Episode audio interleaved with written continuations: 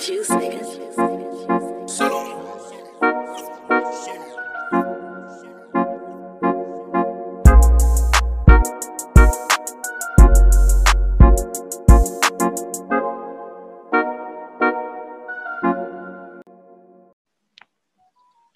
guys, welcome back again to The Ring Podcast. Oke, hari ini kita bakalan uh, ngebahas tiga materi guys. Itu preview tentang game kemarin, terus uh, kita ngomongin yang hari ini nih, uh, Clippers yang lagi hancur, sama ke depan nih guys.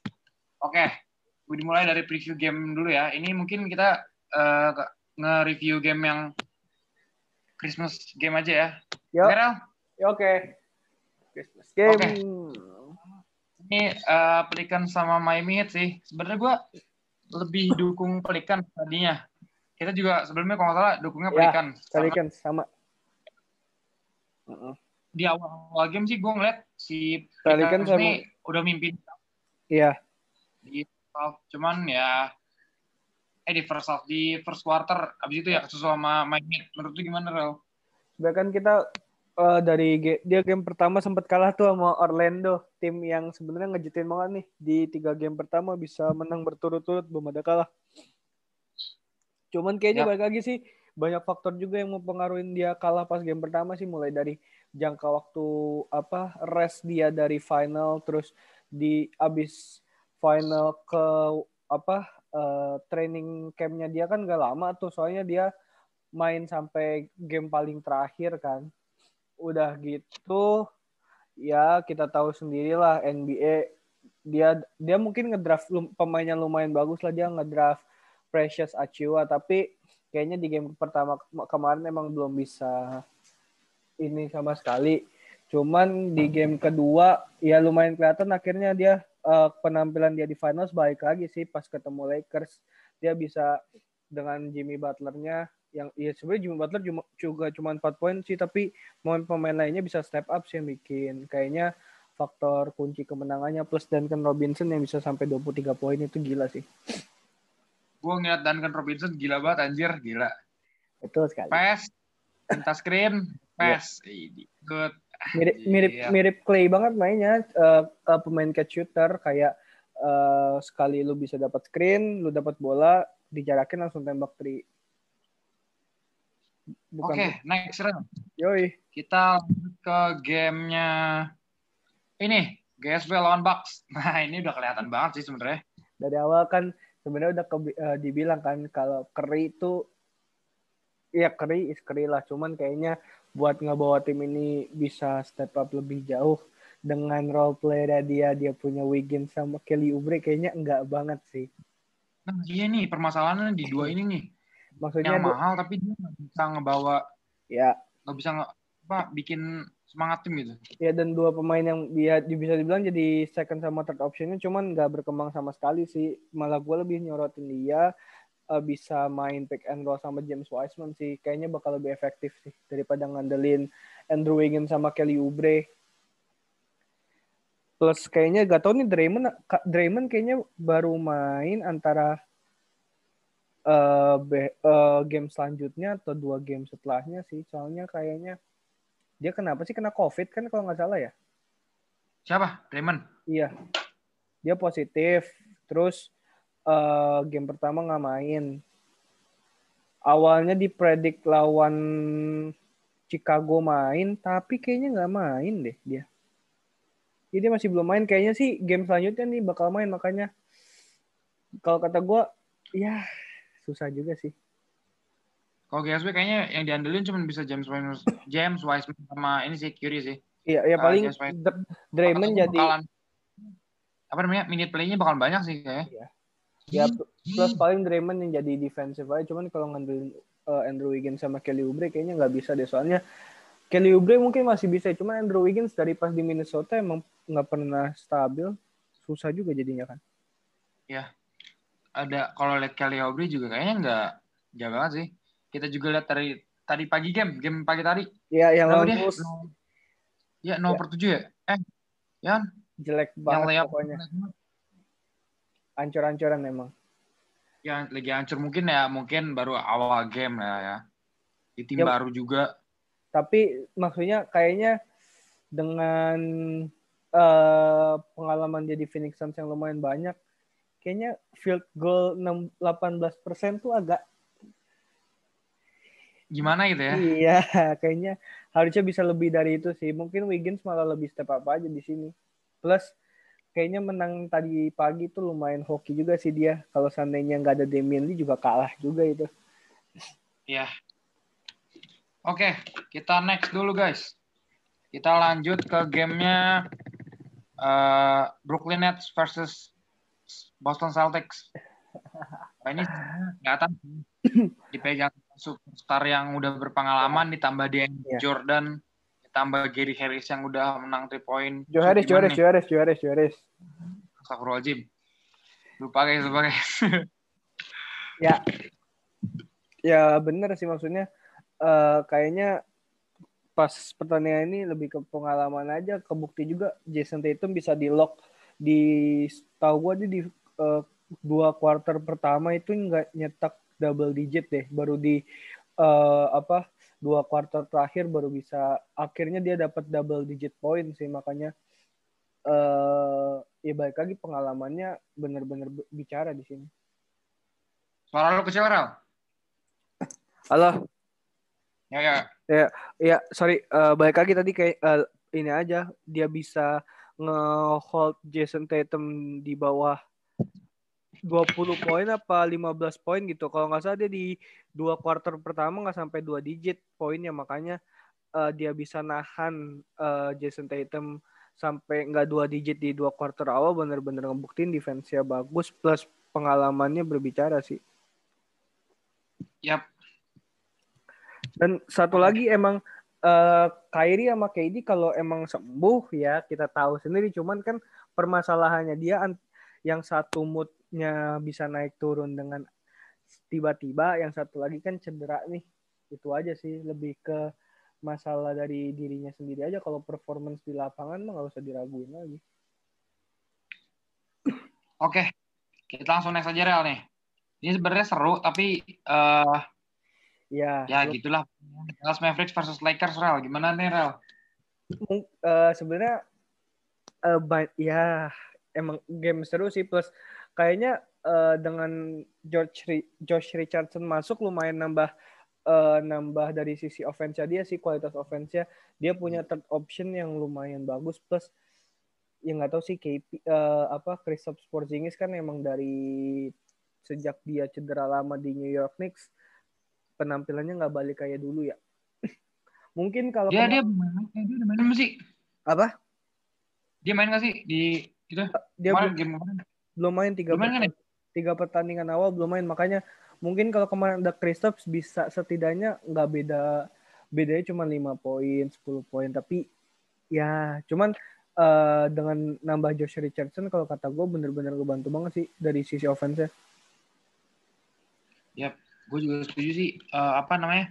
Gue kemarin lihat eh, lihat ya lu tahu Lakers lah ya. Player defensive player ditambah offense offense juga bagus. Jadi Iya. ya bener aja sih mereka menang. Eh, tapi gue melihat Luka Doncic kayaknya performance-nya gila sih. ya ya Kemarin gue ngeliat ya benar-benar sih maksudnya dia kemungkinan besar ya pantas lah dia dimasukin jadi salah satu kandidat MVP karena satu Kristaps emang eh, belum bisa main nih nggak tahu nih sampai kapan plus juga emang performa dia nggak turun dari musim lalu kan masih tetap stay di 25 poin plus lah setidaknya dua, setidaknya 20 poin plus Yap, iya, iya sih. Gue ngeliat eh, Dallas kemarin eh, mungkin lebih hidup sih. Iya. Nggak tahu kenapa. eh, mungkin ada Kristaps eh, bisa nambah defense sama offense, tapi tapi ngeliat kemarin eh, berjalan dengan baik aja gitu loh, tanpa Kristaps juga. ya mungkin kalau sama Lakers bisa dibilang calculated loss lah karena ya tahu sendiri kan timnya Lakers kayak gimana Eh, ya, pokoknya gitulah ya Lakers kalian udah tahu sendiri guys. Iya. Oke lanjut nih. Yoi. Clippers versus Denver Nuggets. Kita udah tebak sih sebenarnya. Kita Ya, nebaknya malah Denver Nuggets betul ya? gua Gitu Denver Nuggets. nebaknya Denver ya gua nebaknya Denver tapi ya ya dia em, di dua laga awal emang nggak ada Jer- Jeremy Jeremy Grant bener-bener ngaruh sih dari sisi defense ya makanya udah gitu Gary Harris yang nggak bisa step up dari musim lalu penyakitnya sama ya. Iya. sama. Kayaknya sih ini sih lebih ke defense aja yang kurang karena Paul Millsap satu usianya udah tua. Jadi kayaknya stamina nya nggak bisa nyamain dulu pas masih ada Jeremy Grant sih. Jadi lumayan wajar sih. Tapi eh, set- eh, setelah game ini kan dia lumayan step up nih. Terakhir dia itu kalau nggak salah tadi pagi menang lawan eh sorry. Eh, dia belum main lagi ya? Belum kayaknya deh, belum belum belum. Ah, belum belum belum ya. Ya eh, tapi dari kayaknya sih dari dua pertandingan kemarin masih penyesuaian aja jangan dengan gak adanya Jeremy Grant sih. Plus kekalahan pertama dia pas di eh, di game pertamanya dia kan di overtime juga tuh lumayan nyesek. Jadi kayaknya bukan harusnya sih dia nggak kalah di game pertama. Cuman ya Kings lagi beruntung sih pas game pertama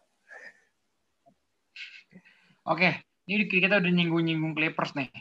ya Gimana nih game pagi tadi lawan apa sih gue lupa deh. Dallas Dallas lawan Dallas Oh Dallas ya? Iya, iya. Beda 51 poin ini. Wah, gila banget sih. Seorang Clippers yang tadinya menang dua game pertama. Ya. Kalah. Ya. Ini juga penyebabnya gitu. Ya, ya pertama ya inilah eh pray for Kawhi juga dengan cederanya dia yang bisa dibilang lumayan parah sih. Maksudnya dia kena di ya di sekitaran bibir bibir sebelah kanan apa kirinya karena kesikut dan lumayan pendarahan juga. Jadi ya pray for Kawhi juga. Cuman yang dilihat di- dari sini ya berarti bener sih kayaknya ya masa iya sih tim sekelas Clippers di dua quarter pertama bisa ketinggalan sampai 50 poin tuh kayaknya eh Masih awal season itu ya. iya satu walaupun masih awal dan sebenarnya kalau dilihat kualitas pemain kalau kata gue justru malah harusnya Clippers lebih unggul sedikit sih dengan dia punya pemain yang bisa dibilang eh, experience-nya udah banyak. Plus juga kayak gak, gak jelek-jelek banget gitu loh. Maksudnya lu eh, starternya ada Patrick Beverly terus ada Luke Kennard Paul George, Nicholas Batum, sama Serge Ibaka. Yang gak jelek-jelek banget kan tapi Yap.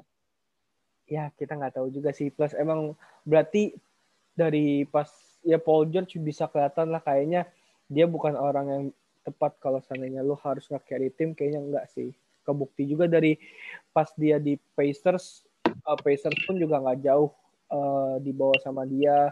Balik ke OKC dia juga jadi second option dan emang dia bukan pemain yang bisa ngebawa satu tim sih. Dan menurut gua harusnya nih ya, Hmm. walaupun dia option gitu ya. Ya. Kan dia main di eh, starter kan kemarin kan. Ya. Hmm. Eh, menurut gua harusnya dia itu nunjukin gitu loh. Kalau misalnya dia itu mampu bisa bawa tim gitu. iya tapi Kayak kan, dia kan waktu masuk Clippers kan kayak ah lu pengen berdapetin cincin doang gitu. ya uh, overprice, iya lumayan overpriced banget sih overprice parah men, bukan Iya. lumayan. Oh iya.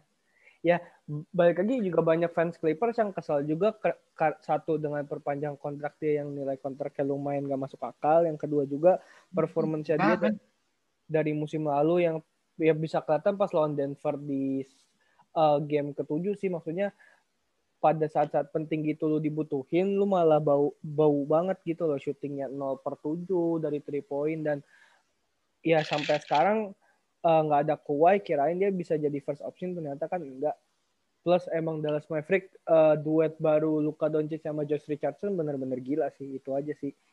Ini dua orang eh, Josh Josh Richardson tahun lalu dipilih bukan siapa-siapa maksudnya satu dia ketutup sama Ben Simmons sama Joel Embiid terus dia pas di Miami Heat juga ketutup sama Jimmy Butler sama Bam Adebayo. Jadi kayaknya lumayan dia pindah ke Dallas Mavericks satu dia bisa ngebuktiin kualitas dia yang kedua minute play dia bakal diga bakal digaranti eh, jadi bisa dibilang minute play paling banyak dia di tim sekarang ini sih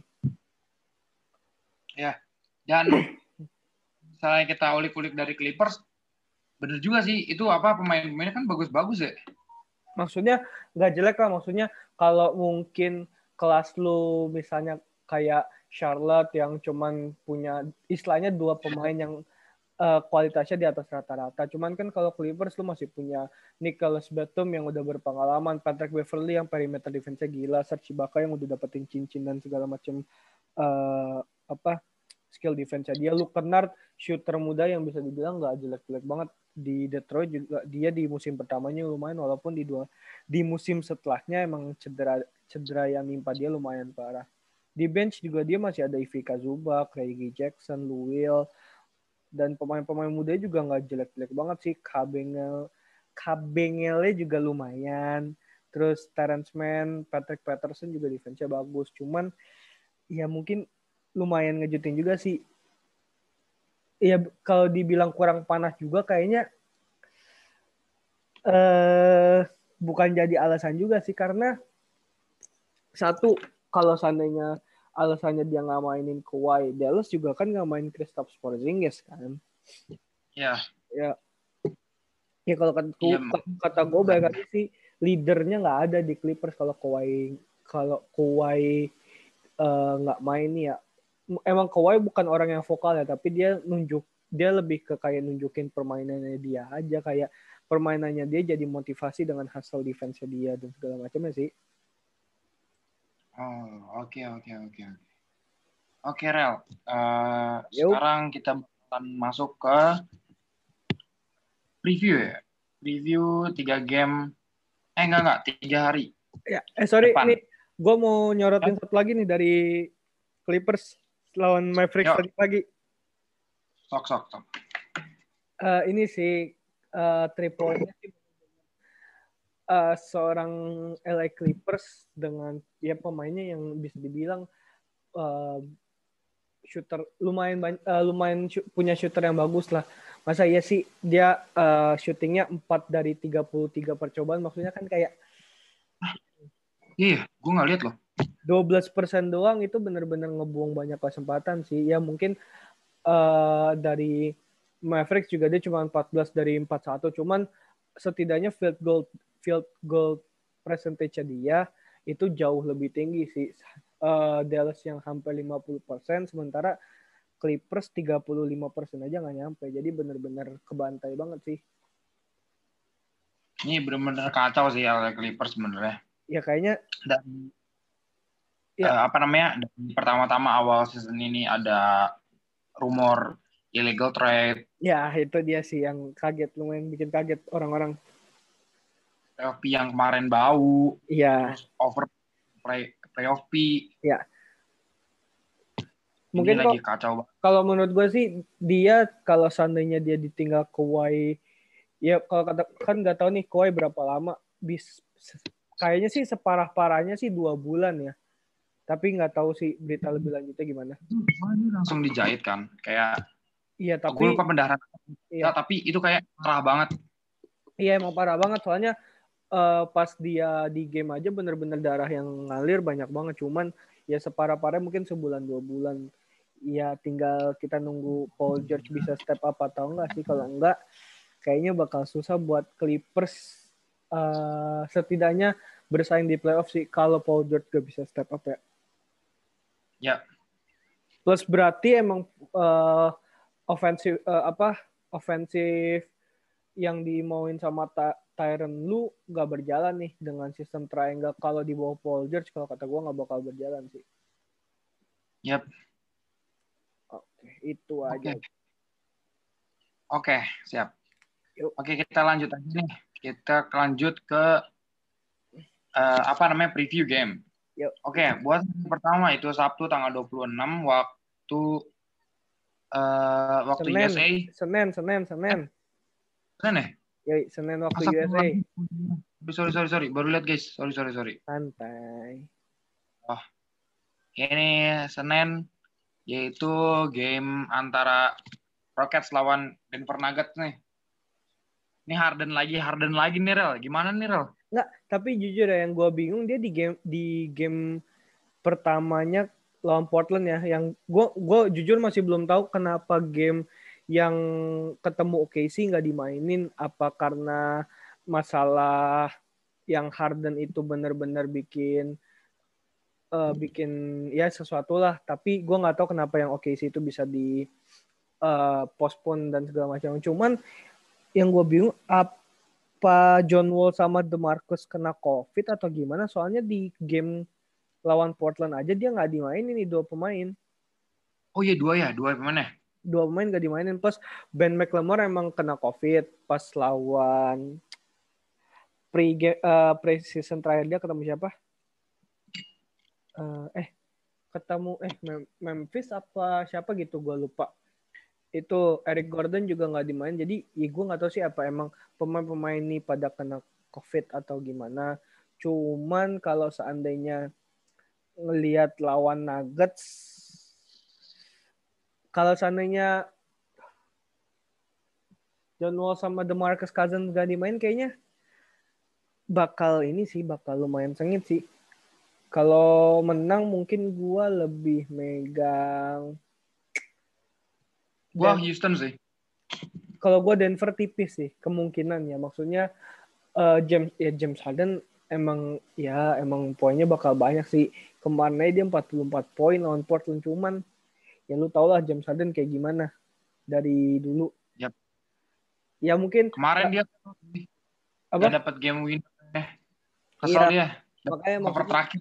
Iya, f- eh, benar-benar frustration kan. Plus mungkin faktor X-nya bakal di Christian Wood sih. Eh, kalau Christian Wood bisa main bagus, impresif dan segala macam, kayaknya Houston bisa menang. Tapi kayaknya gue megang Denver sih karena eh ya ya dia tim yang bisa dibilang lumayan jadi eh, contender buat masuk conference final di dua game pertama dia kalah. Kayaknya dia bakal jadiin pertandingan lawan Rockets jadi bounce back-nya dia sih. Plus pemain dia nggak ada yang cedera sih itu aja. Ya, iya. Oke, next kita lanjut ke game. Nih, balik lagi ke playoff nih, Portland lawan Lakers. Yo, i sebenarnya Ini mah nanti sebenarnya. tapi eh, kan Ant- Anthony Davis lawan Minnesota nggak main nih. Gue juga nggak tahu kenapa. Gue masih bingung nih kena dia nggak main sama sekali. Ah, Emang kapan mainnya? Tadi pagi, tadi pagi apa? kok- Iya tadi pagi, tadi pagi, tadi pagi. Gue nggak nonton, lupa gue. Oh ya, gue lagi pergi cuy. Tadi pagi. Maksudnya Tapi gak tau sih kayak kok banyak pemain yang kayak disim eh, bisa dibilang simpan di bench segala macamnya nggak dimain apa dia emang lagi ada masalah sama kesehatan atau gimana kita juga nggak tahu. Cuman kalau dilihat kayaknya Anthony Davis pun di game ini kemungkinan besar kalau main pun nggak banyak menitnya jadi eh gue masih megang Lakers tapi bakal tipis sih. Kayak cuman beda di bawah 10 poin. eh gue sebenarnya megang Lakers, cuman gue ngeliat dari ya nggak ada Anthony Davis kita kekurangan eh, mereka kekurangan defense juga. Tapi kalau misalnya kita ngeliat dari Kel Kuzma yang sekarang nih, gak tau Kel Kuzma lagi bangkit bangkitan nih. Kel ya Kuzma, ya dia Harrell, dia sama Talon Harper kontrak juga sih. bagus. setelah dia extend kontrak di Portland kayaknya ben- eh sorry extend kontrak di Ini. Lakers dia bak mau ngebuktiin kalau eh, Lakers ngasih gua kontrak tuh nggak salah gitu kayak emang dia pantas di hargain yang bisa dibilang sebenarnya nggak mahal-mahal banget cuman ya kan dia rumornya sempat mau di trade ke mana-mana gitu tapi dengan performa dia kayak dia mau ngebuktiin kalau gue bener-bener pantas di Lakers Dari awal Lakers itu yang eh, siapa namanya? Eh, yang Lonzo Ball, Ya. Josh Hart, Mm-mm. Brandon Ingram mau di trade, Iya. itu gue tahu banget kayak Kuzma nggak bakalan di trade karena emang kayak anak sayang Lakers cuy. Ya, anak ya anak kesayangannya Rob Pelinka juga sih bisa dibilang maksudnya dia nge-trade buat Anthony Davis padahal ya lu nggak harus buang tiga pemain lu cukup buang bu- dua dua aja dengan lu masukin Kusma tapi dia kayak bener-bener nge-keep Kusma dengan harus ngebuang Lonzo, Josh Hart sama Brandon Ingram. Ya tapi emang sekarang Kusma juga udah step up sih jadi eh tapi ya balik lagi Portland juga eh, rata juga sih dengan dia punya eh Joseph Nurkic, dia punya Damian Lillard, CJ, Carmelo Anthony, Robert Covington juga dia punya sekarang yang kita tahu defense-nya gila. Plus Gary Trent Jr. yang di bubble kemarin benar-benar bisa eh, bisa jadi kejutan lah sama Enes Kanter juga kayaknya bakal seru sih pertandingannya. Tapi gue ngeliat juga kayak dari bench player si Lakers ini sebenarnya gila banget sih. Iya, Bisa emang- nyetak belasan poin tuh susah cuy di bench. iya makanya maksudnya eh, apa eh, satu skuadnya Lakers juga lebih dal- kedalaman skuadnya juga lebih bagus dari musim lalu kan pas dia juara. Jadi ya bakal bener-bener sengit sih. Soalnya ya balik lagi eh, kayak pemain kayak Talon Horton Tucker yang bisa bersinar di preseason. Sekarang dia di eh, awal-awal juga mainnya lumayan oke gitu. Montrezl Harrell, Wesley Matthew, dia masih punya Alex Caruso juga. Benchnya dia bener-bener bagus banget sih. Hmm. Jadi Nih, opsinya banyak. gue mau ngasih tau lo. Wesley Matthews di beberapa game ini cuma nyetak 0 atau nggak 2 poin. Iya. dengan nama itu menurut Iya. gue kayak dia kayak bukan nggak ada guna sih maksudnya belum aja belum kurang. ketemu belum ketemu ini aja belum ketemu apa emangnya eh ritme ya ritmenya dia aja ya atau dia main dari bench kayaknya kalau main dari bench mungkin ya ritmenya belum belum belum inilah belum dapat lah. Kalau kayak Steph Curry gitu kan game pertama dia langsung cetak eh, berapa poin tuh kemarin pas di eh, apa opening night dia kalau nggak salah nyetak 30 Dua, 30 satu. 20 sorry 20 poin. Maksudnya ya kalau pemain kayak dia emang langsung nyetel. Cuman kalau kayak Wesley Matthew kan dia satu bukan jadi first option eh, first option second option atau third option. Yang kedua dia main dari bench juga jadi wajar sih. Dia ya paling nggak mungkin dia di, sampai pertengahan average-nya bakal sam- 5 sampai 8 lah. Ya sih gue setuju juga. Dan ya yang namanya bench player juga minute play-nya juga lebih sedikit sih ya. Iya.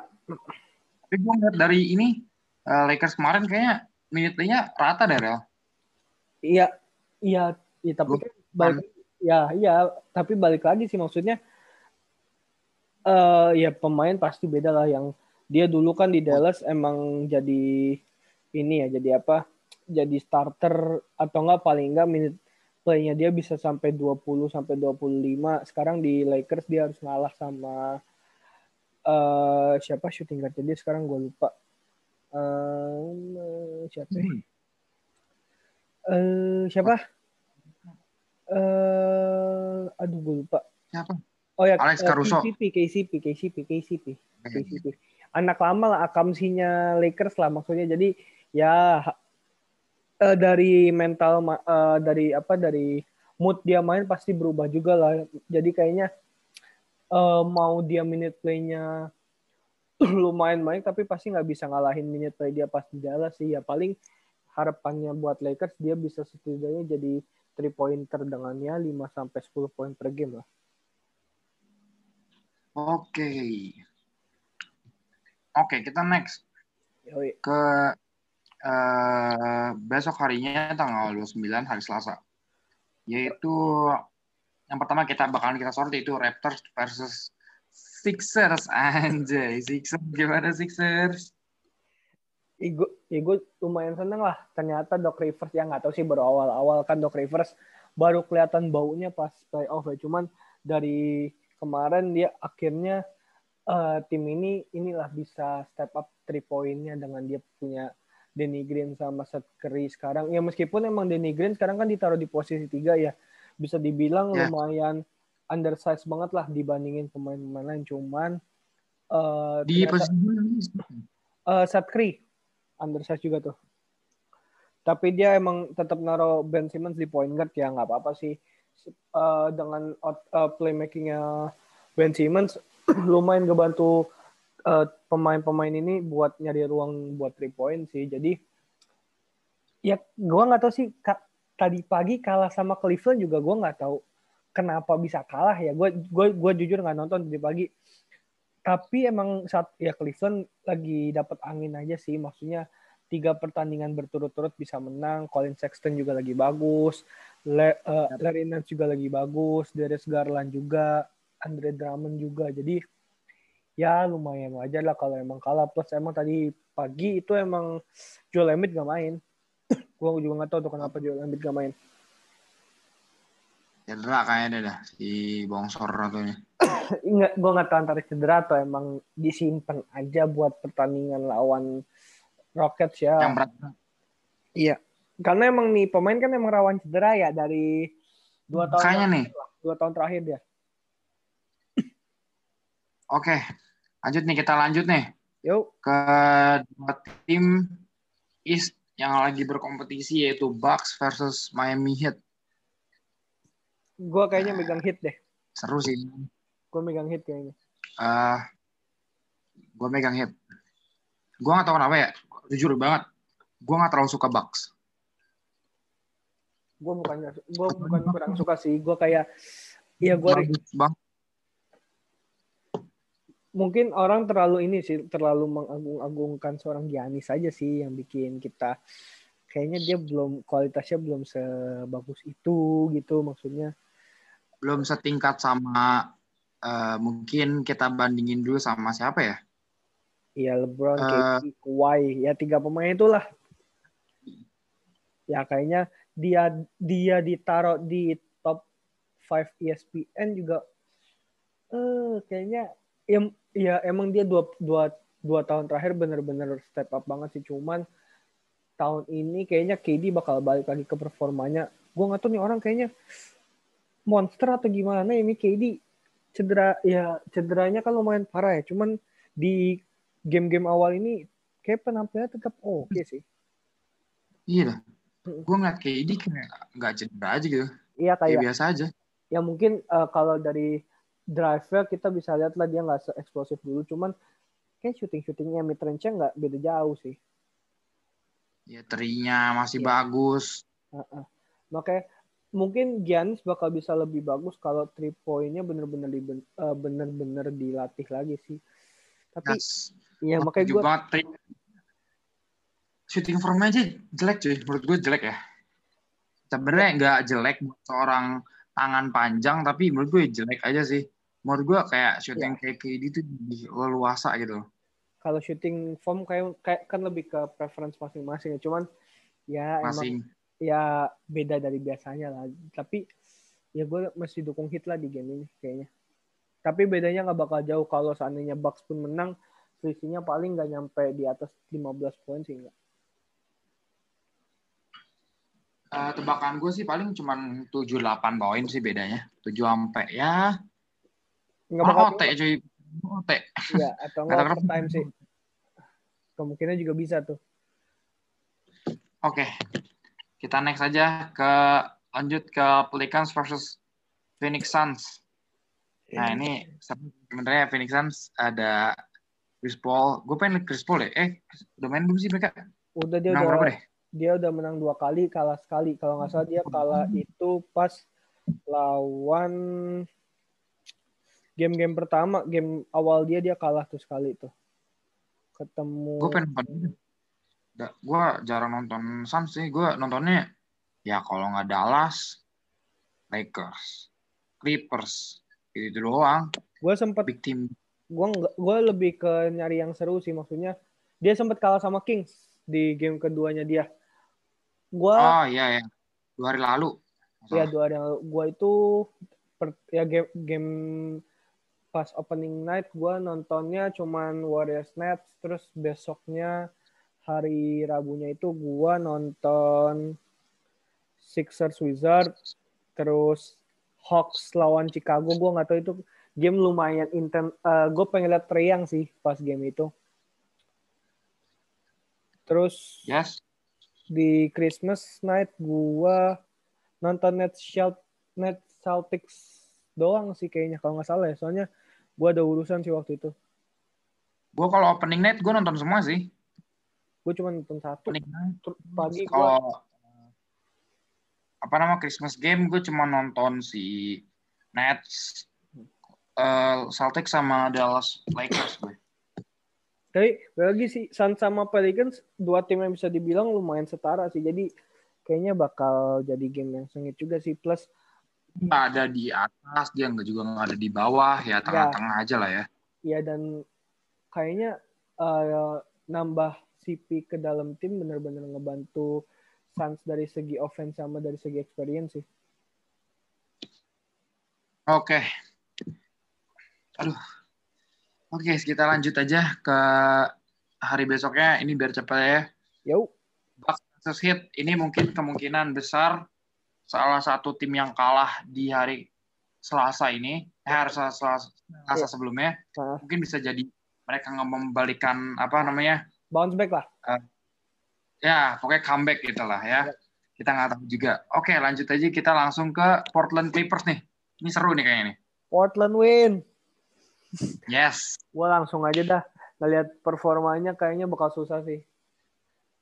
ya ini Portland gila sih sebenarnya. Ya, dan maksudnya There's nih pem- eh, pemainnya bener-bener konsisten semua. Kalau Clippers kan ya kita lihat sendiri lah, Paul George tiba-tiba baunya setengah mati, terus tiba-tiba eh, kayak Pibev cuman nyetak 4 poin, 2 poin segala macam kan bener-bener kayak kayak ini kayaknya harusnya nggak gini deh pemain lu deh. Itu sih yang Iya. bikin yang bikin lumayan kesel juga. Yap. Oh ya, gue mau bahas satu lagi nih, Rel. Spurs? Rel. Spurs. Gimana nih? Gue nggak jarang banget ngeliat Spurs, tapi dia udah menang dua kali nih. Ya, tapi eh, kayaknya Dia kalah di blok sama siapa namanya? Gue lupa deh. Waktu lawan apa ya? Hari ini kalau salah. hmm, Spurs lawan harusnya si itu si Bart hit game winner tapi di blok sama siapa ya? Gue lupa deh. Sama Eric Bledsoe nggak salah. Oh, kok iya iya iya Ah, ah, iya iya iya iya. Nah, Lumayan gimana nih? lumayan tight juga tuh game Cuman Iya. tight sama scoreless juga. Iya kalau gu- jujur gue jarang nonton Spurs ya, cuman dari komposisi pemainnya kayaknya gue gue gue gue gue udah lama gue udah lama gak lihat Spurs sih cuman ya Spurs ya kita tahu tim yang isi pemainnya biasa ya cuman kayaknya emang dari faktor coaching staffnya sih bener-bener ngebantu banget maksudnya meskipun sekarang dipegang tim Duncan kan cuman kayaknya Greg Popovich masih berperan sebagai kayak eh, advisor dan segala macamnya sih jadi ya kayak tim ini stabil lah setelah dia bakal stabil di mungkin pering- antara peringkat 7 sampai peringkat 9 gitu. Kalau di top 5 enggak sih kalau kata gue. Cuman eh, nih tim bakal stabil sih. Oke. Oke, mungkin uh, buat hari ini segini aja nih, Rel. Kayaknya udah lama nih. Kayaknya berapa nih? Setengah jam ya? Ya lumayan lah setengah Ah. jam. Oke. Oke, guys. Eh, terima kasih ya yang udah dengerin podcast kita. Thanks for listening. This is the Ring Podcast. Bye-bye. Bye.